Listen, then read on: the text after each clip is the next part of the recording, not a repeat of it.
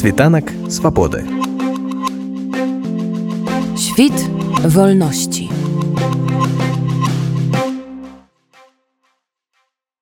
Тацяна вось днямі з'явіўся трэйлер фільма Беларусь 2334 аўтарка якога вы з'яўляецеся ці можете вы распавесці пра саму задуму гэтага фільма як яна з'явілася як ішло стварэнне і ну і далейшы скажем лёс гэтай карціны фільмы здымалі ў беларусі. І так адбылося што я неўзабаве выехала да Киева тому что ўжо была под пагрозай. Да мяне прыходзілі міліцыянты але мы паразмаўлялі праз зачыненыя дзверы. І, і калі я зрабіла гэты фільм я э, думала что мне трэба шукаць іншы пакой іншую кватэру. Але калі я зрабіла гэты фільм э, зразумела что тут под пагрозы не толькі я але яшчэ і 30 чалавек якія далі мне інтэрв'ю. І гэтыя матэрыялы або хаваць у лесе або выязджаць. І я вырашыла выехаць выехаць Гэта было у 2021 годзе зімой.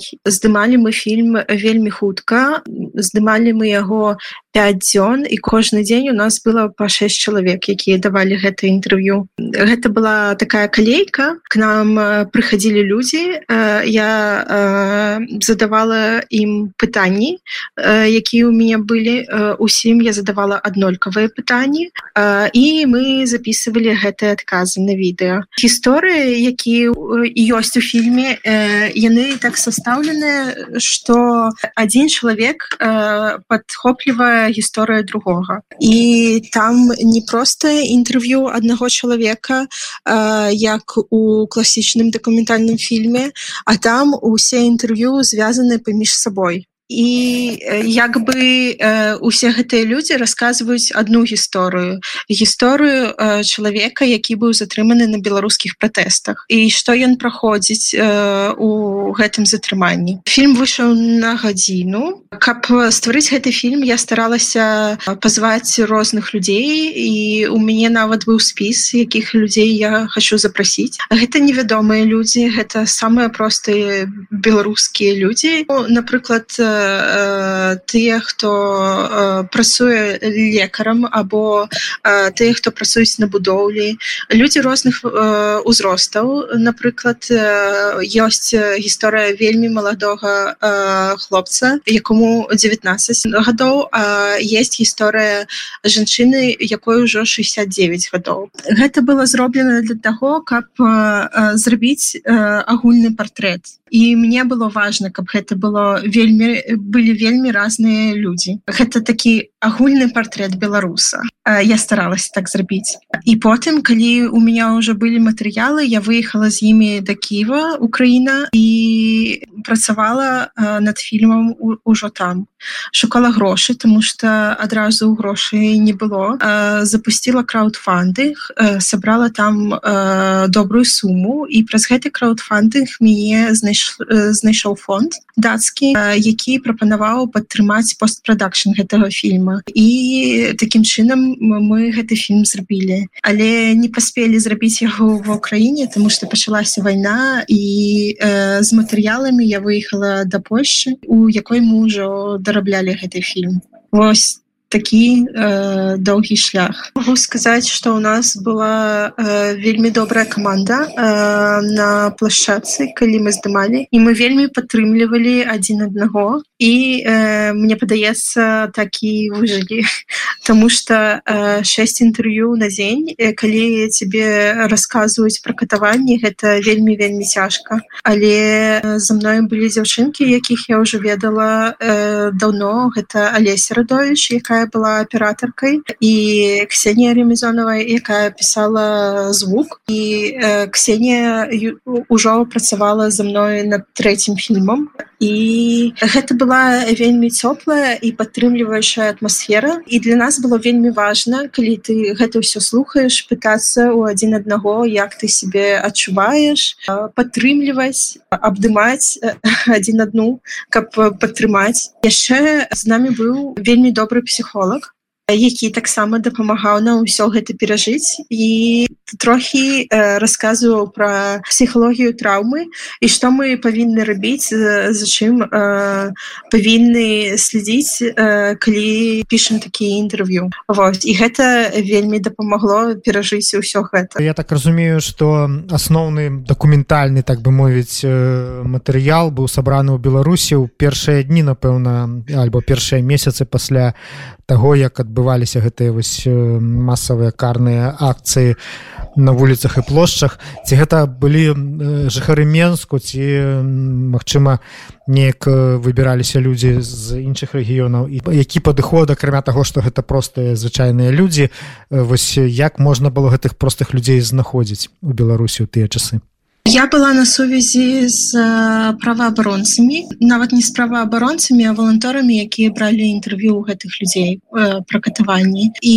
я зрабіла табліцу дзе напісала што мне патрэбна і якія людзі якія гісторыі мне патрэбны. І гэтыя валанцёры ўжо давалі мне контакты з якімі я звязвалася спісывалася і запрашала да здымак. У асноўным гэта людзі з мінску тому что у нас было мало часу і плашчадка толькі ў мінску але ёсць таксама і з рэгіёнаў якія былі затрыманы ў рэгіёнах і якія жылі ў рэгіёнах напрыклад у нас было была сямейная пара з салігорска і яны прыехалі до нас салігорска Вось і нават прыйшоў іх сын які быў затрыманы ў августе а яны былі затрыманы восенню і там гісторыя не толькі тых людзей які якія былі затрыманы у августе але розныя гісторыі з лета по зіму. Таму гэта не толькі портрет катаванняў августоўскіх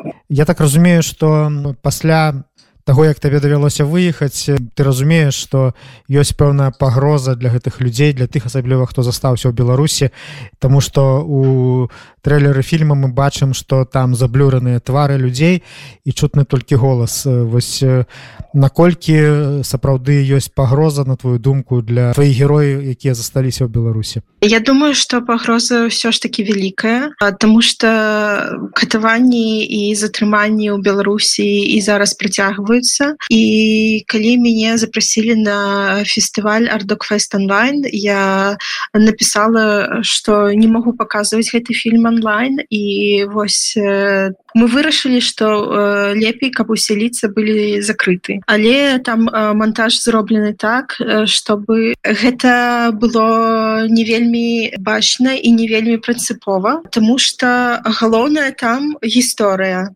не твары гэтых людзей. Гісторыя якую яны расказваюць гісторыі гэтых катаванняў. Так гэта было зроблена для іх бяспекі і я таксама подумала что гэта добрая алегорыя на цэнзуру якую мы вымушаны рабіць самі для сябе сама цэнзура тому что я не могу показаць іх твары і мне трэба іх закрыць. Сама цэнзура калі мы выдаляем напрыклад пасты з фатаграфіямі якія мы рабілі на пратэстах тому что гэта страшна людзей так знаходзяць і саджаюць ужо нават не на суткі а на доўгія годы. І э, цэнзура дзяржавы якая э, не дае нам адкрыць наши твары. Але э, у нас э, засталіся наши галасы і наша гісторыя якую мы можемм расказаць. Як вось вам удавалася наладжваць контакт з вашими героями тому что я напрыклад сам займаўся дакументаваннем катавання у першыя месяцы пасля гэтых пратэстаў у двадцатым годзе і могу сказаць что ну не так-то просто разгаварыць чалавека каб ён не просто там выдаў что я быў затрыманы та дата пасаджаны туды выпушчаны тады.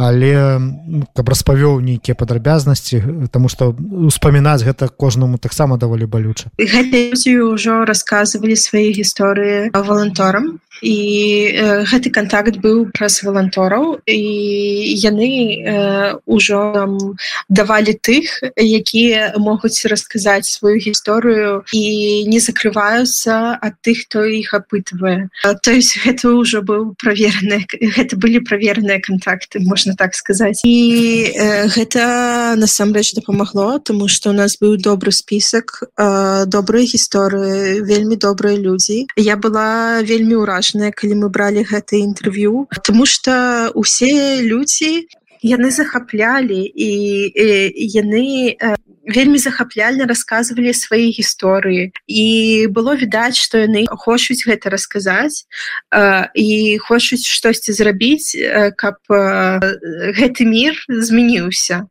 І гэта насамрэч і усю маю каманду і мяне вельмі натхніла. Ты ўжо узгадала пэўных так постпрадакшн фонд які дапамагаў з гэтым. Вось людзі якія глядзелі гэты фільм як бы ты ацаніла рэакцыю іх ці ведалі яны тое што давалася ў беларусі ці нешта змянілася ў іхнім уяўленні пра тыя падзеі пасля прагляду я маю яшчэ не вельмі шмат отгукаў тому что фільм яшчэ недоступны на сайте ардак меды і гэта былі выбраныя людзі на напрыклад на прэм'ере у варшаве або ты людзі якім я дасылала паглядзець. І усе казалі что гэта вельмі цяжка але я спрабавала зрабіць монтаж так каб э, гісторыя падтрымлівала себе і ты мог гэта глядзець. По напружанню гэта хутчэй э, глядзіцца як трылер і таму большасць ты каго я ведаю калі ўжо э, вырашылі гэта паглядзець яны глядзяць до конца. Вось. Вельмі падабалася гэта гісторыя э, нашаму гукарэжысёру які рабіў угу апрацоўваў тое што мы запісалі на з'ёмачнай плашчацы ён э, украінец і ён э, вельмі добра зрабіў гэты гук тому что э, было запісана не ўсё добра але э, гук зараз там э, на вельмі высокім узроўні і ён зрабіў гэта тому что ему вельмі падабалася то тое что там. Ему былі вельмі цікавыя гэтыя гісторыі. І ён скончыў працу ўжо калі была вайна і ён просто сидзеў у бункеры і ён нават пісаў мне тому что я чакала матэрыялы я выехала і часткай з іх засталася ва ўкраіне і мы іх доўга вывозілі і ён пісаў мне калі мы ўжо будзем працаваць далей я вельмі хочу над гэтым працаваць і вельмі хвалююся что мы там не можемм скончыць гэта было у той час калі сидзеў у бункеры і э, яго дом дом знаходзіўся у браварах якія вельмі актыўна бомбілі. І я запытала ці ёсць яшчэ яго дом а ён сказаў что гэта не важно ён хоча працаваць над гукам. І гэта было вельмі цікава. Але адразу відаць что чалавек адданы гэтай працы Ну, вось я ведаю што фільм зараз будзе ўдзельнічаць у адным з фестываляў дакументальнага кіно. Ці можете распавесці больш падрабязна пра гэты фестываль і пра свой удзел ім? Так зараз фільм будзе на фестывале артокфест яго можна будзе паглядзець онлайн. Для гэтага трэба будзе купіць подпіску і фільм таксама не будзе доступны з тэрыторыі беларусі. Таксама для бяспекі. Нават з закрытымі ліцамі я баялася что гэты фільм убачыць людзі якім не трэба бачыць гэты фільм. І не ведаю пазнаюць гісторыю і знайдуць гэтых людзей таксама э, хутка фільм э, у, у маю будзе показаны э, во францыі але аб гэтым я яшчэ напишу пазней тому что фестываль э, не выкладываў э, афіцыяльных спіскаў тых фільмаў якія будуць удзельнічаць. Але гэта ўжо вядома что я палішу во францию в мае. Світанак свабоды. Świt wolności.